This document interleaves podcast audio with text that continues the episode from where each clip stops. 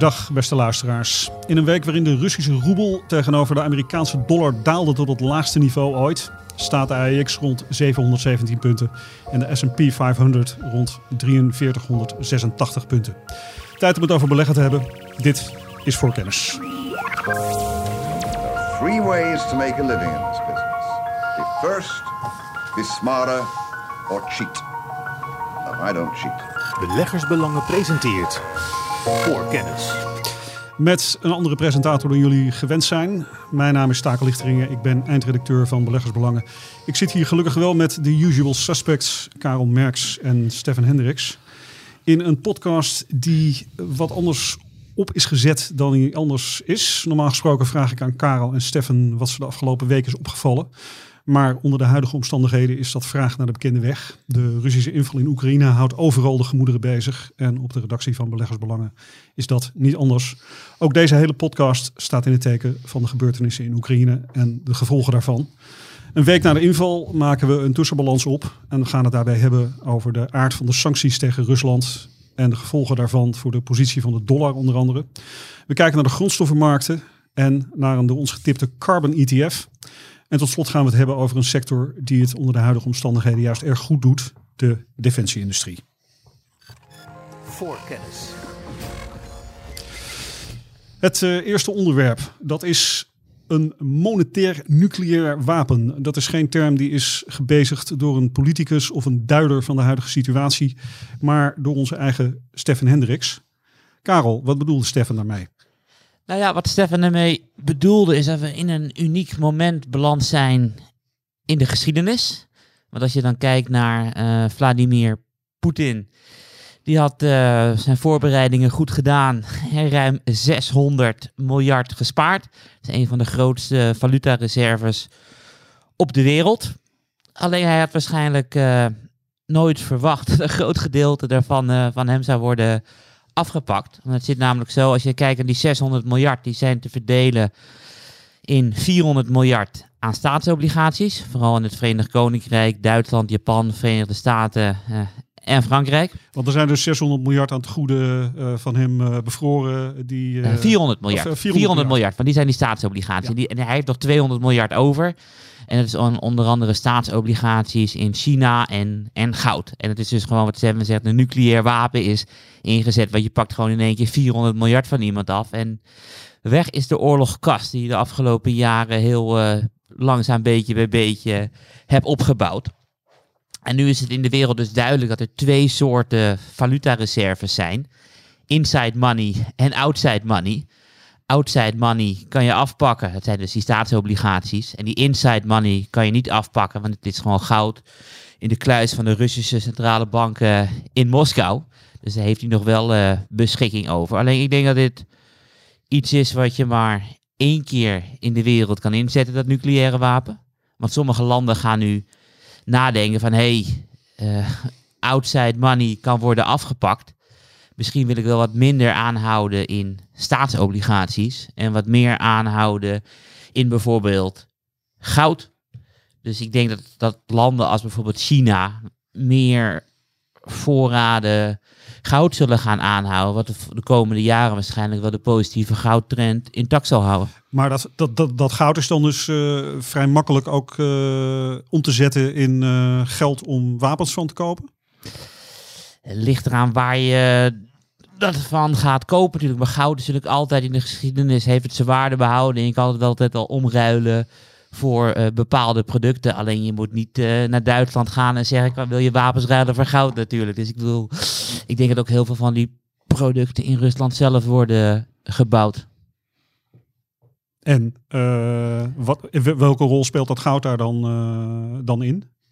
welke rol? want, het, want het heeft toch een, een functie als een soort oorlogskas, zeg je. Ja, klopt. Maar ik bedoel, dat vind ik een stuk minder interessant. Want wij zijn natuurlijk uh, beleggers en we willen kijken wat er de komende jaren gaat stijgen. Ja. En hoe er dan de centrale bank goud gaat omwisselen om de roebel te, roebel te beschermen. Dan denk ik, het zal wel. Want ik bedoel, we beleggen niet in de roebel. Nee. Dus dat maakt niet uit. Maar op het moment dat bijvoorbeeld een, een Brazilië, een India, een China denkt van we willen meer goud aanhalen. Dan zie je de goudprijs stijgen. En dat is het thema wat ik het meest interessant vinden. Omdat we ook heel veel verschillende koopadviezen op eh, goud hebben, maar ook op eh, bedrijven die in goud handelen, et cetera. En het kan misschien wel een positieve trend in gang zetten. Want er is nu een soort evenwicht. En als er dan straks meer kopers op de markt komen, denk ik dat het wel interessant eh, kan zijn. Dat is een duidelijk verhaal. Eh, een ander verhaal dat hier aan vastzit is natuurlijk de, de status van de dollar als wereldreservemunt.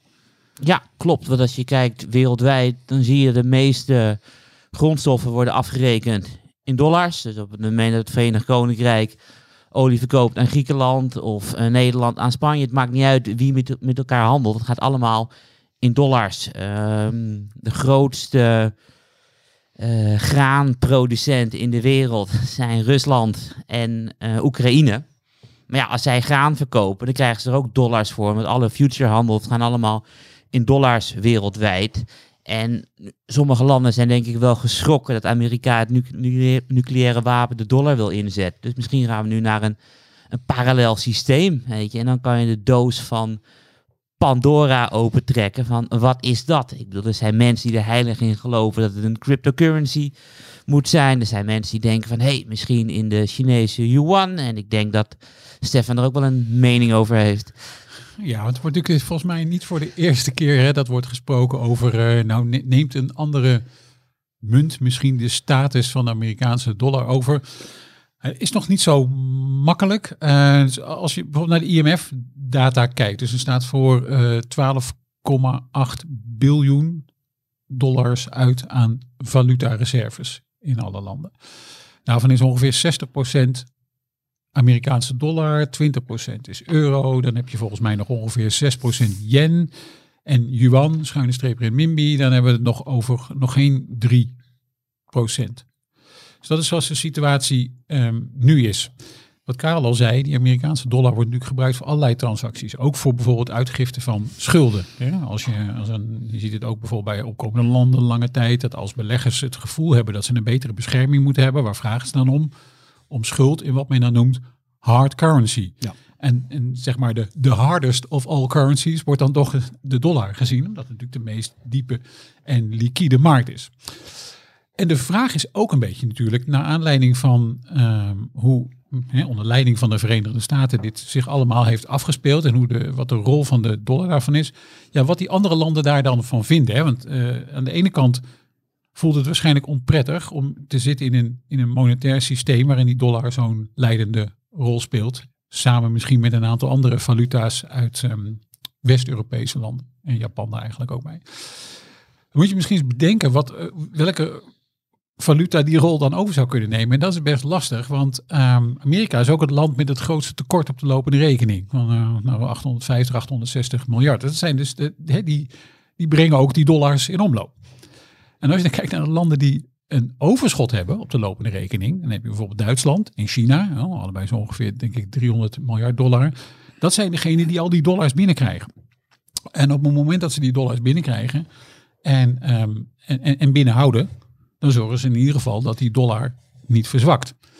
Als je die dollar vervolgens wel weer gaat proberen te recyclen of uit te geven, dan heb je de kans dat die dollar wat onder druk komt. Maar dat is eigenlijk economisch gezien voor die landen helemaal niet zo handig. Want als je een exportgedreven land bent, dan vind je het misschien wel prettig dat jouw valuta niet heel erg hard oploopt en dat die dollar niet heel erg hard nou. terugvalt. Dus voor Duitsland en China zou het misschien wel eens helemaal niet zo handig kunnen zijn om, uh, om, al, zo, om al in ieder geval snel afscheid te nemen van dat systeem. Dus die, het, uh, nou ja, zoals wel vaker in uh, economie, en ik heb het gestudeerd, dus ik, uh, ik wilde zeggen, ik weet er wat van, maar eigenlijk wilde ik het omgekeerde zeggen. het is wel heel erg complex allemaal. Het lijkt, het, het, lijkt aantrekkelijk, om wat Karel zei, dat parallele systeem misschien in te gaan voeren. Omdat je als land merkt wat voor macht je hebt als je uh, werelds reservevaluta in beheer hebt, zoals de Verenigde Staten. Ja. En als je opeens landen kan afsluiten van hele grote markten, waarin inderdaad grondstoffen uh, worden afgerekend, waarin ook gewoon voedingsmiddelen uh, worden afgerekend, waarin de meeste tegoeden worden aangehouden. De meest liquide markt, waarin je als je ergens, als ik het even heel populair mag zeggen, geld wil stallen, was dat altijd het meest eenvoudig om dat in de Verenigde Staten te doen. Het is in de westerse wereld ook nog een land waar je in ieder geval nog enige uh, rente krijgt, in tegenstelling tot een heleboel Europese landen en Japan bijvoorbeeld.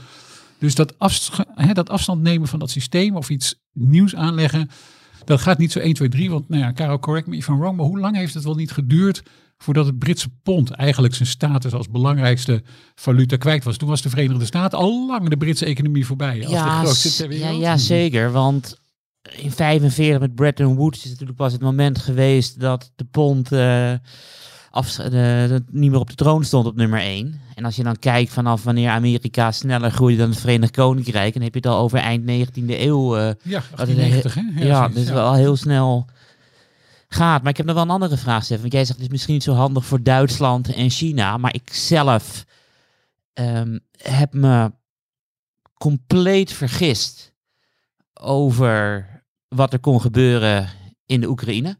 Dus ik had nooit verwacht eh, de- wat we deze week gezien hebben dat het zou kunnen gebeuren. Ik dacht het gaat meer gewoon op dreigen, et cetera. Maar ja, je hebt natuurlijk ook China. En dat is ook een land wat ik niet kan inschatten. En ze hebben natuurlijk, om het in de woorden van de Chinezen te laten, een afvallige provincie. Maar ja, op het moment dat ze daar misschien wat mee willen doen, dan loopt China misschien ook wel het risico om afgesloten te worden van het dollarsysteem. Is het daarvoor ook niet in het belang van de Chinezen om juist wel een parallel systeem op te tuigen? Nou ja, ja misschien, misschien is het antwoord op die vraag ja.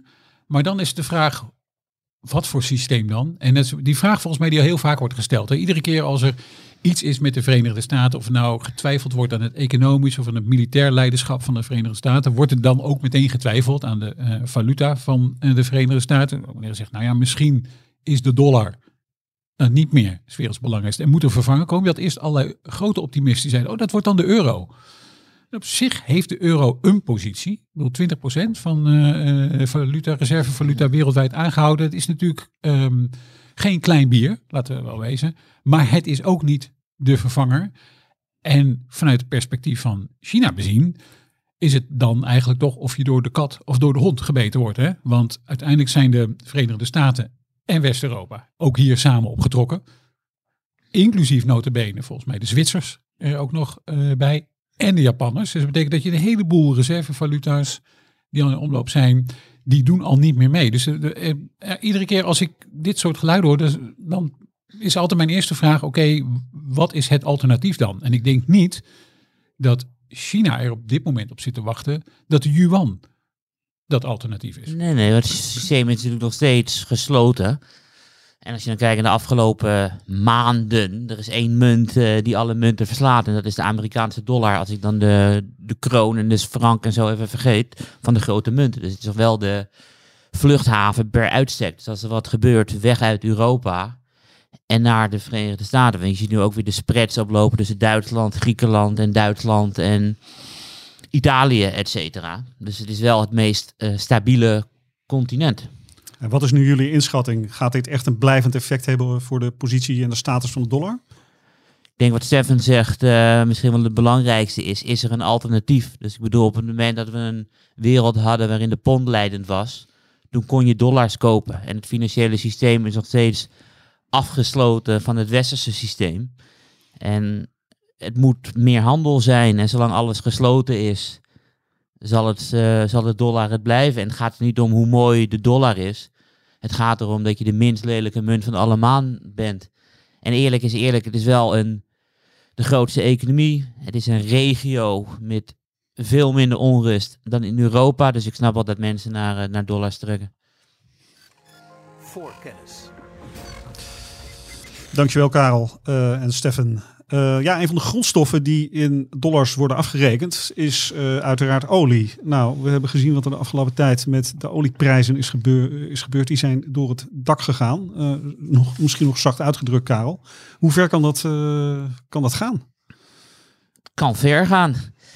Ehm, geen idee. Ik bedoel, de voorspellen hoe ver het gaat is heel moeilijk. Het enige wat je kan doen is kijken van hoe het verschil was tussen vraag en aanbod. En op het moment eh, dat de vraag het aanbod eh, overstijgt, dan zal de prijsstijgingen doorgaan. En het conflict in de Oekraïne komt echt op een heel ongunstig moment. Want de afgelopen drie maanden, november, december en januari, is het dus niet gelukt voor de OPEC om hun productiedoelen te halen. Om verschillende redenen, problemen in de productieketen, waardoor ze niet voldoende materiaal hadden om olie uit de grond te halen of gewoon stormen of wat dan ook. In ieder geval, die olieproductie was al veel lager dan de OPEC wilde. Dan komt dit conflict er overheen. Ja, vandaag hebben we 120 gezien. Gisteren was het 110. Vrijdag was het nog 99 in de Brent vorige week. Dus het gaat heel erg, heel erg hard. En als je dan bijvoorbeeld kijkt naar eh, de Bloomberg Commodity Index, die ook breder zit, want een derde is metalen en een derde is granen, die is deze week op weg naar zijn beste week sinds 1974. Dus het is wel weer. Uh, ja, ik zie, waarom lach je, Steven? Ja, dat je, het zijn van die eikpunten nog die. Uh, dat, dat, waar, het zijn van die punten waarvan je misschien een maandje geleden had gedacht, nou ja, dat is in een ver verleden. Hè, die, Mhm. die, oliecrisis achter hebben we natuurlijk wel in het recente verleden wel eerder die olieprijs even heel hard zien stijgen. Naar, wat was het ooit, 142 op een gegeven moment top geloof ik, Karel, ergens in 2018. Kijk je naar Brent of kijk je naar WTI? In Brent. Ja, 142. WTI is 147. Ja. Nou ja, en, en we hebben natuurlijk ook nog een keer eerder gehad, eh, een jaar of vijf, zes geleden, volgens mij. Ehm, maar dat was, waren eigenlijk van die korte flikkeringen waarna het weer eh, inzakt. En, dat, en dat, daarbij had je niet dat, eh, dat 70 jaren crisisgevoel. Wat je hier nu wel een beetje hebt, en dan in ieder geval ik enigszins heb, omdat het natuurlijk gepaard gaat met een gigantische opleving van de inflatie. Ja. Eh, wat eigenlijk in die andere jaren allemaal redelijk eh, nog onder controle was. Nog heel tijdelijk. En nu lijkt dat eigenlijk wat minder onder controle. Klopt. En als je dan kijkt naar de afgelopen twee jaar, dan zie je dat de, de 100 grootste technologieaandelen in de Verenigde Staten, die hebben 63% behaald. En de Bloomberg Commodity zit op 68%. Dus op een termijn van twee jaar zie je nu grondstoffen beter presteren dan technologieaandelen. Terwijl, wat is het? 68% in, of 63% voor technologieaandelen in twee jaar is ook bovengemiddeld eh, goed. En je ziet nu ook vooral bedrijven in de Verenigde Staten, eh, oliebedrijven, daar klotst het geld echt tegen de planken op. Want dan kijk je naar Chevron.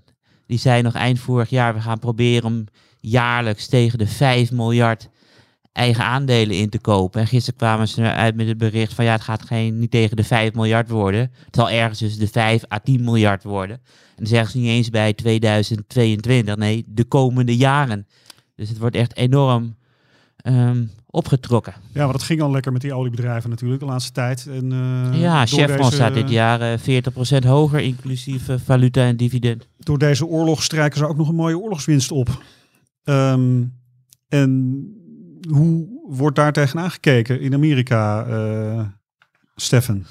Nou, in Amerika hoor je nou, in ieder geval minder, denk ik, dan in Europa.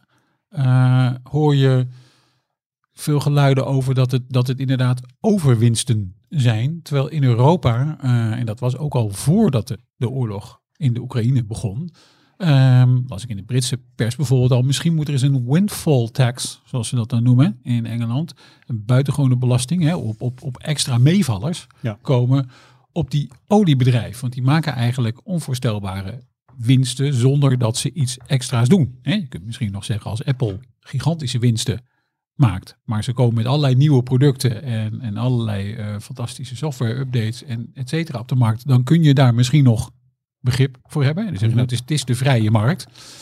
Maar dit heeft natuurlijk ontzettende consequenties eh, eh, in Europa. Dat is, eh, nou, zoals we in de voorbespreking al zeiden, die stijgende olieprijzen, die gewoon een, een belasting op consumptie, zoals dat altijd heet. Want alles wordt duurder. en dat heeft er ook gewoon te maken. Het begint al met hele simpele transportkosten natuurlijk. Maar het heeft ook te maken met stijgende aardgasprijs. Heeft ook impact op kunstmest, om maar eens wat te noemen. Dus eh, die oliebedrijven die maken eh, onvoorstelbare winsten. En in de Verenigde Staten is het dan misschien prima, of dan, eh, om dan te zeggen, nou ja, dat komt allemaal naar jullie toe, beste aandeelhouders. Ik ben heel erg benieuwd hoe dat in Europa gaat. Want als we voor die tijd al vraagtekentjes hadden, het was nog niet een enorme campagne, maar je ziet dat het onderwerp opkomt.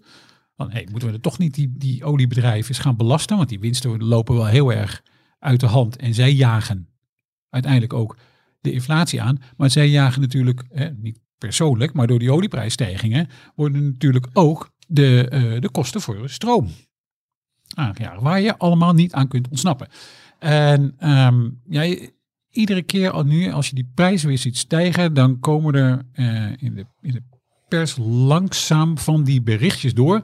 En een van de laatste was ook weer eh, een bericht dat door Reuters was opgepikt, dat de Europese Commissie lijkt aan te sturen, ook weer op het heffen van die extra belastingen op energiebedrijven. En nu, nu waren de pijlen weer eens gericht dan op de nutsbedrijven. Om, ja, stroom gaat natuurlijk ook. Ik heb vandaag de grafiek van de Duitse stroomprijs gezien voor een eh, eh, levering voor de dag. Ja, dat zijn gewoon echt krankzinnige stijgingen die daar op één dag plaatsvinden. Op het moment dat je die door gaat berekenen aan bedrijven en aan gezinnen, dat gaat onvoorstelbare klappen geven in de koopkracht van gezinnen en ook gewoon in de productiekosten van bedrijven.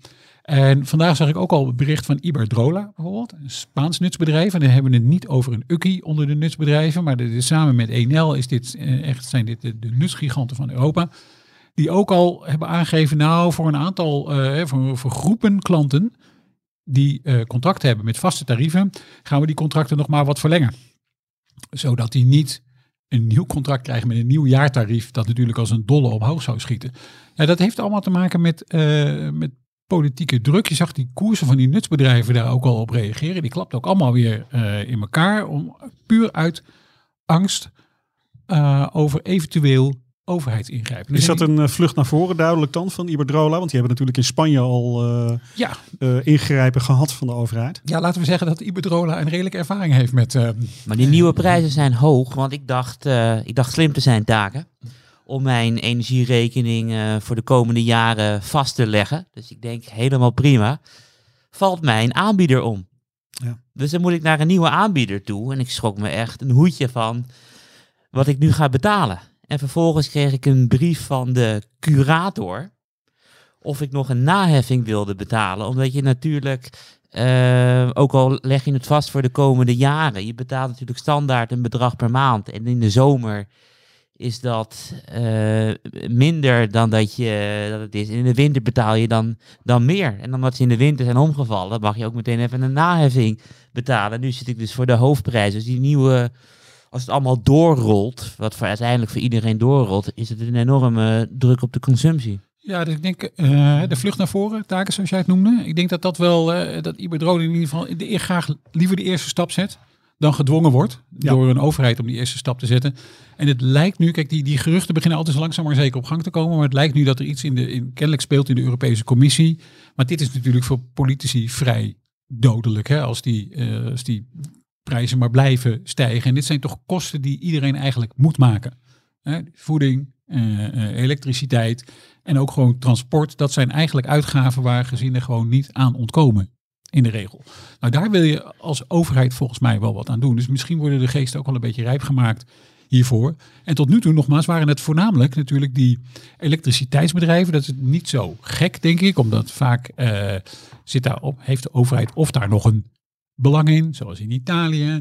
Of het zit allemaal eigenlijk wat dichter qua regulering nog bij de overheid. Ja. Die oliebedrijven, die komen je gewoon een stap verder. Hè? Commerciële bedrijven die geheel op zichzelf staan, die natuurlijk altijd wel met overheden te maken hebben. Nou, dat hebben we gezien de afgelopen tijd. Want ik denk dat BP, ehm, nou, ze hebben de beslissing genomen natuurlijk om eh, het Rosneft-belang af te stoten.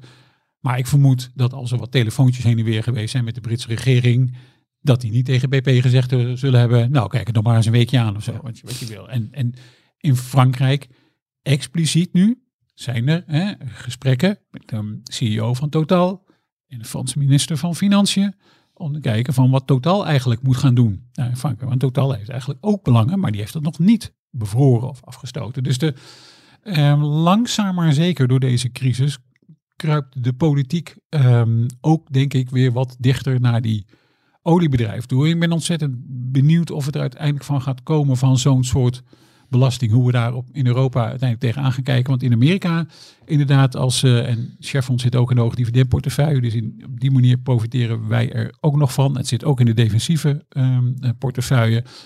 Is natuurlijk allemaal goed nieuws. Maar voor ons als consumenten, maar eigenlijk ook voor de economie als geheel, is het eigenlijk wel gewoon slecht nieuws.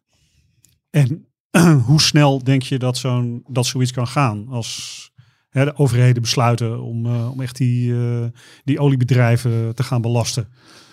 ligt er ook aan hoe, hoe snel de olieprijs natuurlijk stijgt. Want wat in 2008 opviel in de zomer, de olieprijs eh, ging heel snel van 100 naar 140. En ook al was er een eh, kredietcrisis al aan de hand die in de zomer van 2007 begon, toch vond de ECB het noodzakelijk om meteen eh, de rente te gaan verhogen vlak voordat Lehman omviel. Dus op het moment dat de olieprijs in één keer op 200 staat, dan zijn de ehm, maatregelen veel eerder te verwachten dan dat we nu de piek hebben gehad en het conflict is over en dit is het. Ja, en je moet ook niet vergeten dat, kijk, we kunnen dat allemaal wel zeggen en in de Europese Commissie of in Europa of misschien zelfs ook bij enkele nationale regeringen kan dat sentiment wel leven. Maar daarmee is nog geen wet. Nee. Dat scheelt nogal even. En in Spanje is uiteindelijk de overheid ook gestruikeld over het invoeren daarvan. En, in de, en, en de discussies daarover met de Europese Commissie en met de Europese Unie of dit eigenlijk wel de bedoeling was. En in Spanje hadden ze allemaal prachtige formules uitgerekend boven welke gasprijs de delen weer terug moesten vloeien naar de klanten. Is er uiteindelijk niet van gekomen. Spanje heeft dat ook geprobeerd met ehm, de stijging van de emissierechten. Dezelfde soort formule.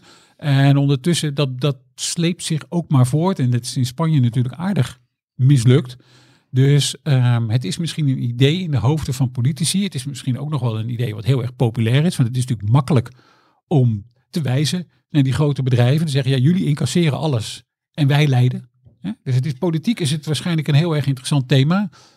Maar om het in wet te verankeren en daadwerkelijk af te kunnen dwingen. Ik bedoel, uiteindelijk leven je al in, in een rechtsstaat. Hè? Het is niet eh, zoals misschien in sommige andere landen waar dit gewoon afgekondigd wordt. Uh, zo werkt dat natuurlijk niet in Europa. En dat de, de Spaanse nutsbedrijven en die Spaanse nutsbelasting heeft ook laten zien dat het niet zo werkt in Europa. Je kan niet zomaar, hè, ook al heb je die Spaanse overheid ook die enorme wens om dat te doen. Het werkt niet zomaar. Dat er een bepaalde druk achter zit, is, is wel duidelijk. Want ik denk dat Iberdrola ook niet zomaar op dit moment met zo'n mededeling komt. Nee.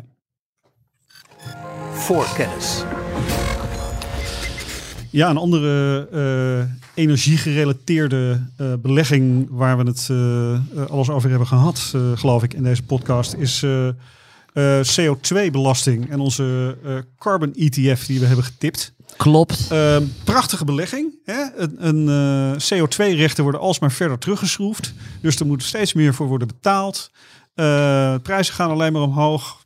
Nou, kan niet mis, zou je zeggen. Maar nu, klopt. Wat wij uh, gewonnen hebben met Chevron, hebben we verloren met de Carbon uh, ETF. Dus we staan gewoon, die twee kan je tegen elkaar wegstrepen. Want je had de top van de markt, 98 euro, 8 februari. En een maand later, nu 2 maart, uh, samen op 55, 47. Dat is een verlies van 43 procent. En de koersen zijn weer terug tot het niveau wat voor het laatst gezien is in november. Dus als je het zo bekijkt, uh, valt het ook wel weer mee. Want er zijn nog een... Ja, dat zijn de emissierechten. Ja. Prijs even, hè, voor de, ja, ja, voor de, de emissierechten. Niet, niet, die van de, niet die van de ETC, het afgeleide product ervan. Nee, klopt, klopt. Maar die is ook van, uh, van 30, 40 procent lager gegaan. Die trekken elkaar uh, behoorlijk goed. Maar dankjewel, Stefan, voor de duidelijkheid. En ik denk dat hier een aantal dingen aan de hand kunnen zijn. Taak in, in willekeurige volgorde. Misschien komt er wel een Europese recessie aan. De Bundesbank heeft al gezegd dat Duitsland uh, in een kwartaal van krimp zit. Nou ja, nu met die stijgende energieprijzen uh, zal het wel een recessie worden. En een recessie betekent niks anders dan minder uh, productie. En op het moment dat je minder produceert, dan ga je ook minder uitstoten. Bedrijven moeten rechten kopen. Die rechten zijn alleen voor dit jaar geldig en kan je niet eeuwig meenemen. Dus op het moment dat je te veel rechten gekocht hebt, dan moet je ze weer verkopen op de markt. En dan dalen de koersen uiteraard en beleggers nemen daar een, een voorschot op. En een andere, waar ik echt flink over aan het nadenken ben en niet helemaal weet of het klopt, maar wel een, in ieder geval een theoretisch mogelijk uh, scenario is. En het is dat er uh, Europa, er was Italiaanse, meerdere Italiaanse politici hebben dat gezegd van ja, verdedigen tegen, tegen de Russen is belangrijker dan het redden van het klimaat op korte termijn. Dus we moeten misschien stoppen met die rechten, want het wordt alleen maar veel te duur en je duwt Europa alleen maar dieper een recessie in. En er zijn ook een paar scenario's mogelijk. Eentje daarvan is, we willen Rusland nog veel harder straffen dan we op dit moment aan het doen zijn. En dan zeggen we bijvoorbeeld, we gaan geen Russisch gas en olie meer importeren. Mhm. Maar ja, dan hebben we een energieprobleem. hè. Dat kunnen we heel eenvoudig oplossen. Want wereldwijd is er voldoende steenkool beschikbaar. Het is ook relatief eenvoudig eh, te winnen. Dus we gaan dan eh, de komende jaren massaal over op steenkool in Europa. Hebben we de Russen niet meer nodig. Dan geven we veel meer eh, rechten uit, waardoor die prijzen ook niet oploopt. En in die komende jaren gaan we dan een paar grote, dikke kerncentrales neerzetten om ervoor eh, te zorgen dat we ook weer eh, die koolstofdioxide naar beneden gaan krijgen. En dat, zijn, dat, dat soort scenario's hebben misschien die prijs flink onder druk gezet. Dat is een ontwikkeling die we niet zagen aankomen op eh, een paar maanden geleden. Nee, nee, zeker niet. Die, die prijs zo hard naar beneden ging. Je het ook al gisteren dat wereldwijde steenkool eh, met ruim 30% steeg op één dag. En het is een, heet geloof ik officieel een hockeystick grafiek, wat in één keer rechts alleen maar omhoog gaat. En vandaag gaat ook eh, steenkool weer, weer flink omhoog. Omdat het misschien een, een alternatief is om Rusland niet meer nodig te hebben in onze Duivels, energie. eh, duivels dilemma natuurlijk. Kiezen tussen het milieu eh, op de langere termijn en eh, ehm, de energieprijs op korte termijn. Ja, nou ja, mensen denken vaak eerst, kijk, dat is ook het risico om wat aan de klimaatveranderingen te doen. Mensen denken aan morgen en niet aan overmorgen.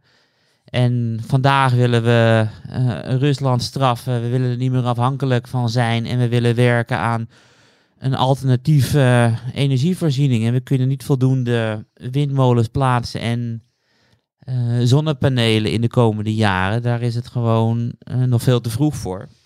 Dus dan moeten het kerncentrales zijn. Dat doen we een aantal jaar over. Kijk, en dat zie je ook de afgelopen dagen. Dat uraniumprijs zeg maar, de hoogste koers sinds 2012. Dus die zien ook aan het oplopen.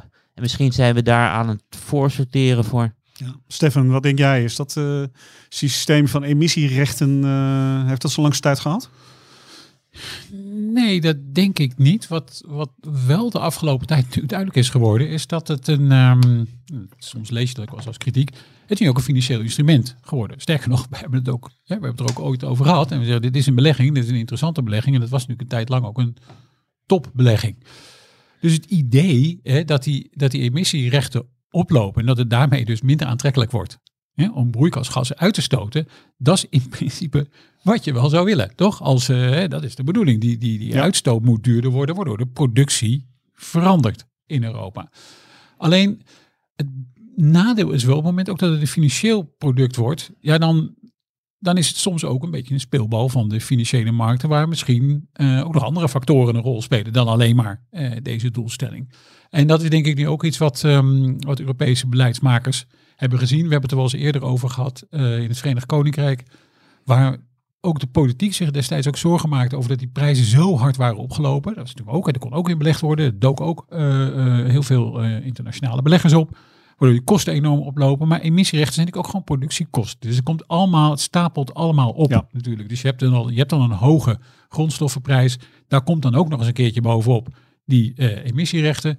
Dat helpt allemaal niet mee. We hebben het net gehad in het kader van de Spaanse nutsbedrijven over dat er ook al een, eh, een, een, een belasting was om, om dat misschien terug te halen. Hè, die stijging van die emissiekosten opeens, en dat is dan natuurlijk ook een lastig ding, als die, die emissierechten meegenomen worden in de stroomprijs, en die maken onderdeel uit van de stroomprijs, dan betaal je daar dus voor als bedrijf en als gezin. Ja.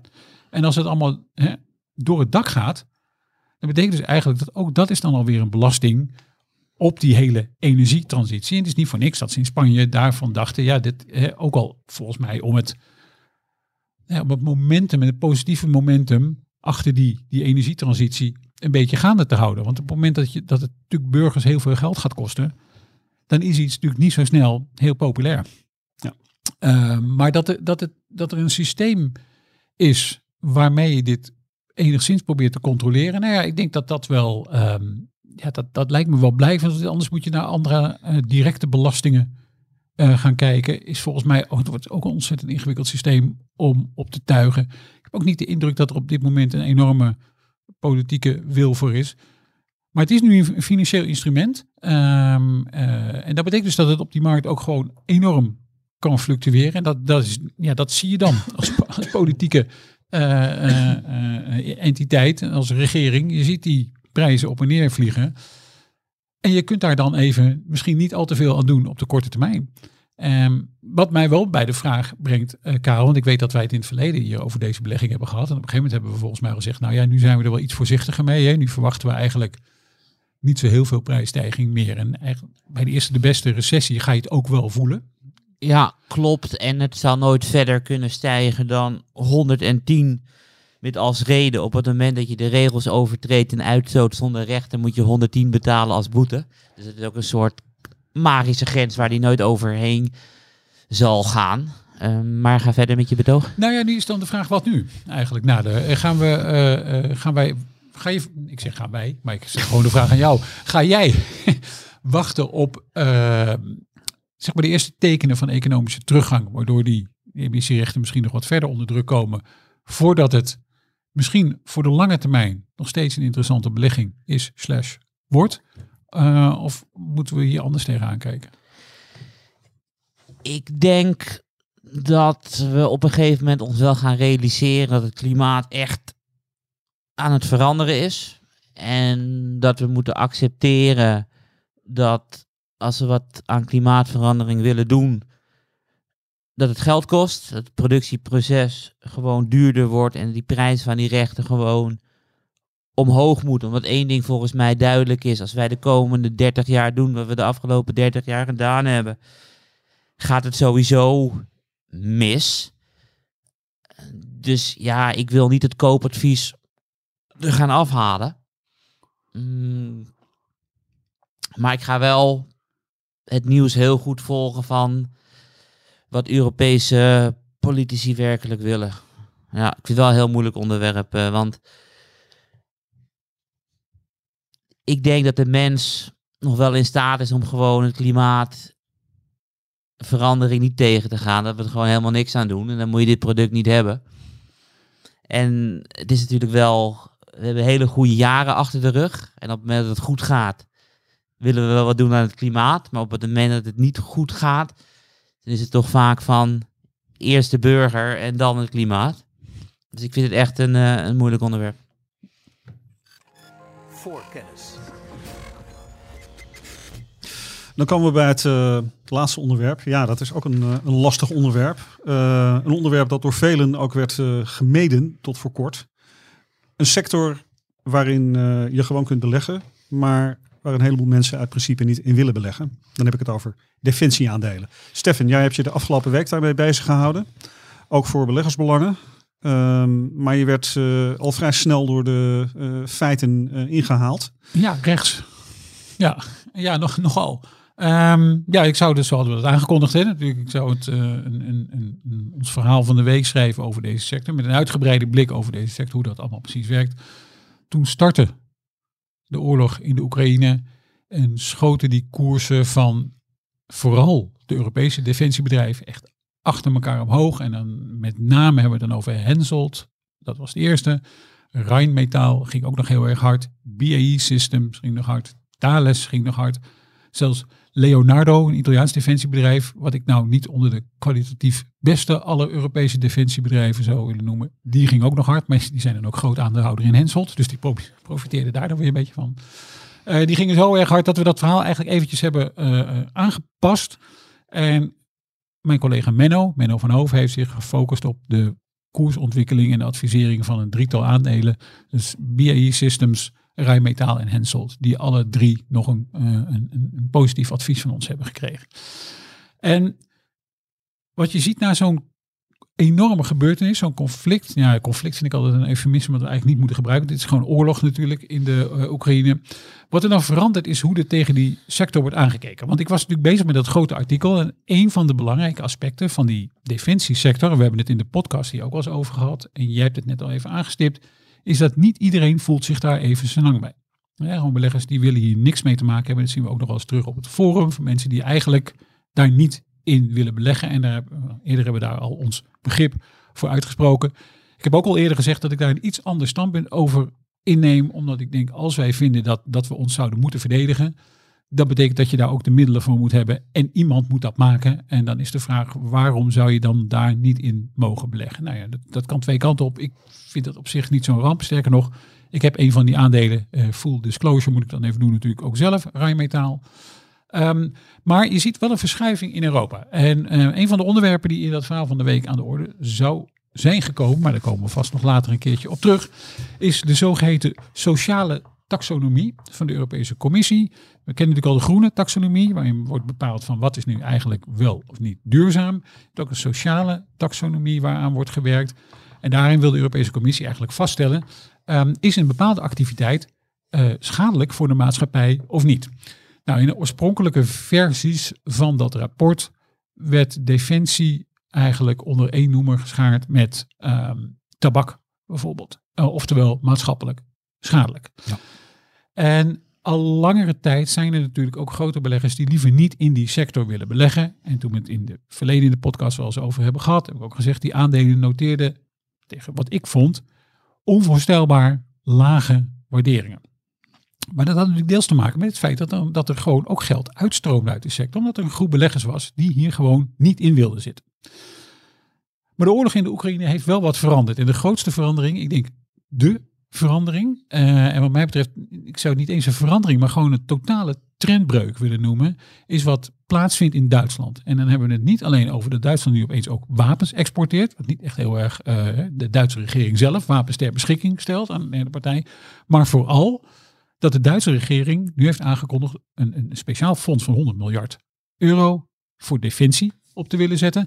En dan ook nog eens een keertje dat de Duitse regering zegt, nou we willen nu naar die NAVO-norm toe van dat defensieuitgaven ongeveer 2% van het bruto binnenlands product moeten uitmaken. Daar willen wij naartoe, sterker nog, daar willen wij overheen. En dat is wel interessant, want er zit nu een regering waarin sociaal-democraten zitten. Olaf Scholz, de bondskanselier, is een sociaal-democraat.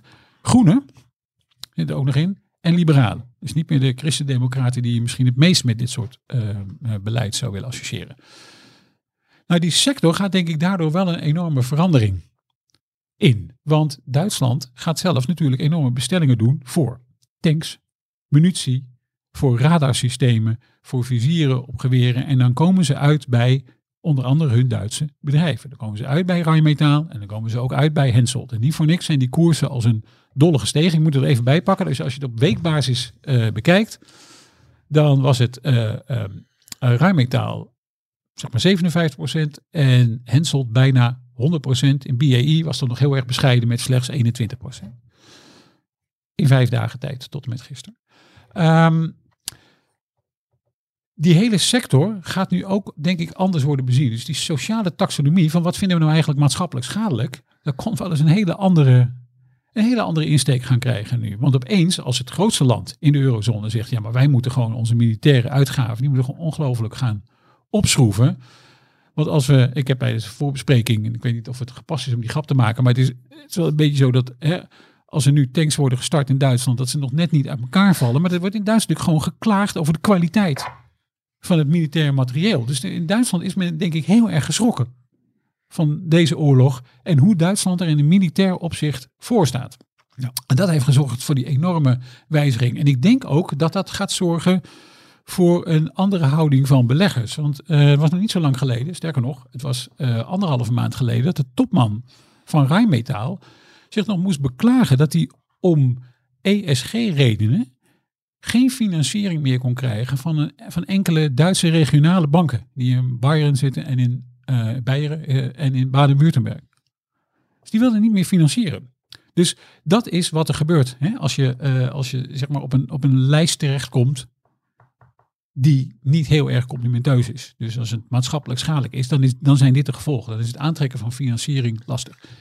Het lijkt mij moeilijk te verenigen dat als de Duitse overheid notabene zegt, we moeten dat helemaal om gaan gooien, dat defensiebeleid van ons, dat er dan ook niet wat gaat veranderen in die sociale taxonomie en dat wij in Europa misschien ook gaan denken, misschien was het een tijd lang heel aantrekkelijk te denken dat je zonder militaire uitgaven, dat je misschien, hè, Europa werd toch ook vaak beschreven als de soft power, hè, waar mhm. Amerika misschien nog wel wat makkelijker naar militaire middelen greep, waar Europa misschien eerder wat diplomatiek. En dat gaat dus gewoon om. Want je ziet in verschillende landen alle defensiebudgetten eh, stijgen. Nederland heeft dat ook aangekondigd. In Frankrijk is het al enkele jaren aan de gang. Het Verenigd Koninkrijk doet het ook. En ook andere landen zullen dat gaan doen.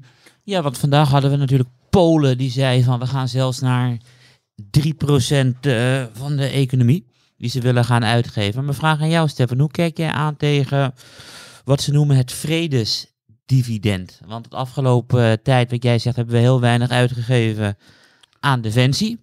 En op het moment dat we in Duitsland in één keer 100 miljard gaan uitgeven en we gaan allemaal die NAVO-norm behalen of zelfs over de NAVO-norm, het geld moet ergens vandaan komen. Ik bedoel, gaan we, eh, gaan we lenen? Gaat er meer inflatie komen en gaan we gewoon massaal uh, fiscaal stimuleren? Of is het zo van we gaan minder uitgeven aan sociale uitkeringen, minder uitgeven aan educatie en gaan we het gewoon weghalen bij de gewone burger? Het hangt er waarschijnlijk een beetje vanaf hoe, hoe deze oorlog verder zal gaan. Want in tijden van oorlog wordt natuurlijk, worden budgetten sowieso tot in extreme mate opgerekt. En dan is er ook de politieke wil om dat te doen. Want dan is het niet in plaats van, maar is het bovenop. Vredesdividend, denk ik, wat jij aanhaalt, Karel, is wel een wat breder uh, begrip. En dat was natuurlijk ook de periode waarin je wereldwijd heel erg makkelijk kon handelen. Hè, waarin er weinig barrières waren, waarin er ook weinig conflicten waren die allerlei vormen van, van handel en, en kapitaalstromen belemmerden. Nou, dat is nu wat anders, want als je uh, nou, alleen maar even terugkijkt naar uh, de State of the Union van president Biden in de Verenigde Staten. Nou ja, er waren toch delen die, die hadden ook gewoon uit, het, uh, uh, uit een speech van Trump kunnen komen. Van produceer in Amerika. Als je halfgeleiders gaat maken, waarom maak je ze niet in Amerika? Als je andere producten gaat maken, waarom maak je ze niet in Amerika? Dat betekent dat voor een aantal uh, industrieën mij het veel belangrijker wordt om weer gewoon regionaal aan produceren. En dat misschien dat vredesdividend ook te maken heeft met hoe makkelijk kan kapitaal over de hele wereld uh, gaan. Hoe makkelijk kunnen wij met z'n allen uiteindelijk handelen? Hoeveel vertrouw je ook, want misschien is dat nog wel het belangrijkste, hoeveel vertrouw je ook andere landen, je handelspartners, dat die nooit in een of ander conflict terechtkomen waar jij dus, dus heel erg veel last van hebt. En ik denk dat die om maar eens bij die halfgeleiders te houden. Ja, waarom willen we dat in Europa zo graag uitbreiden? En waarom willen we dat in, uh, willen de Amerikanen dat zelf ook? Want volgens mij gaat Intel ook een gigantische fabriek, geloof ik, in Ohio neerzetten. Ja, waarom doen ze dat natuurlijk? Omdat, jij noemde het aan het begin van de podcast al even, Karel, China en Taiwan.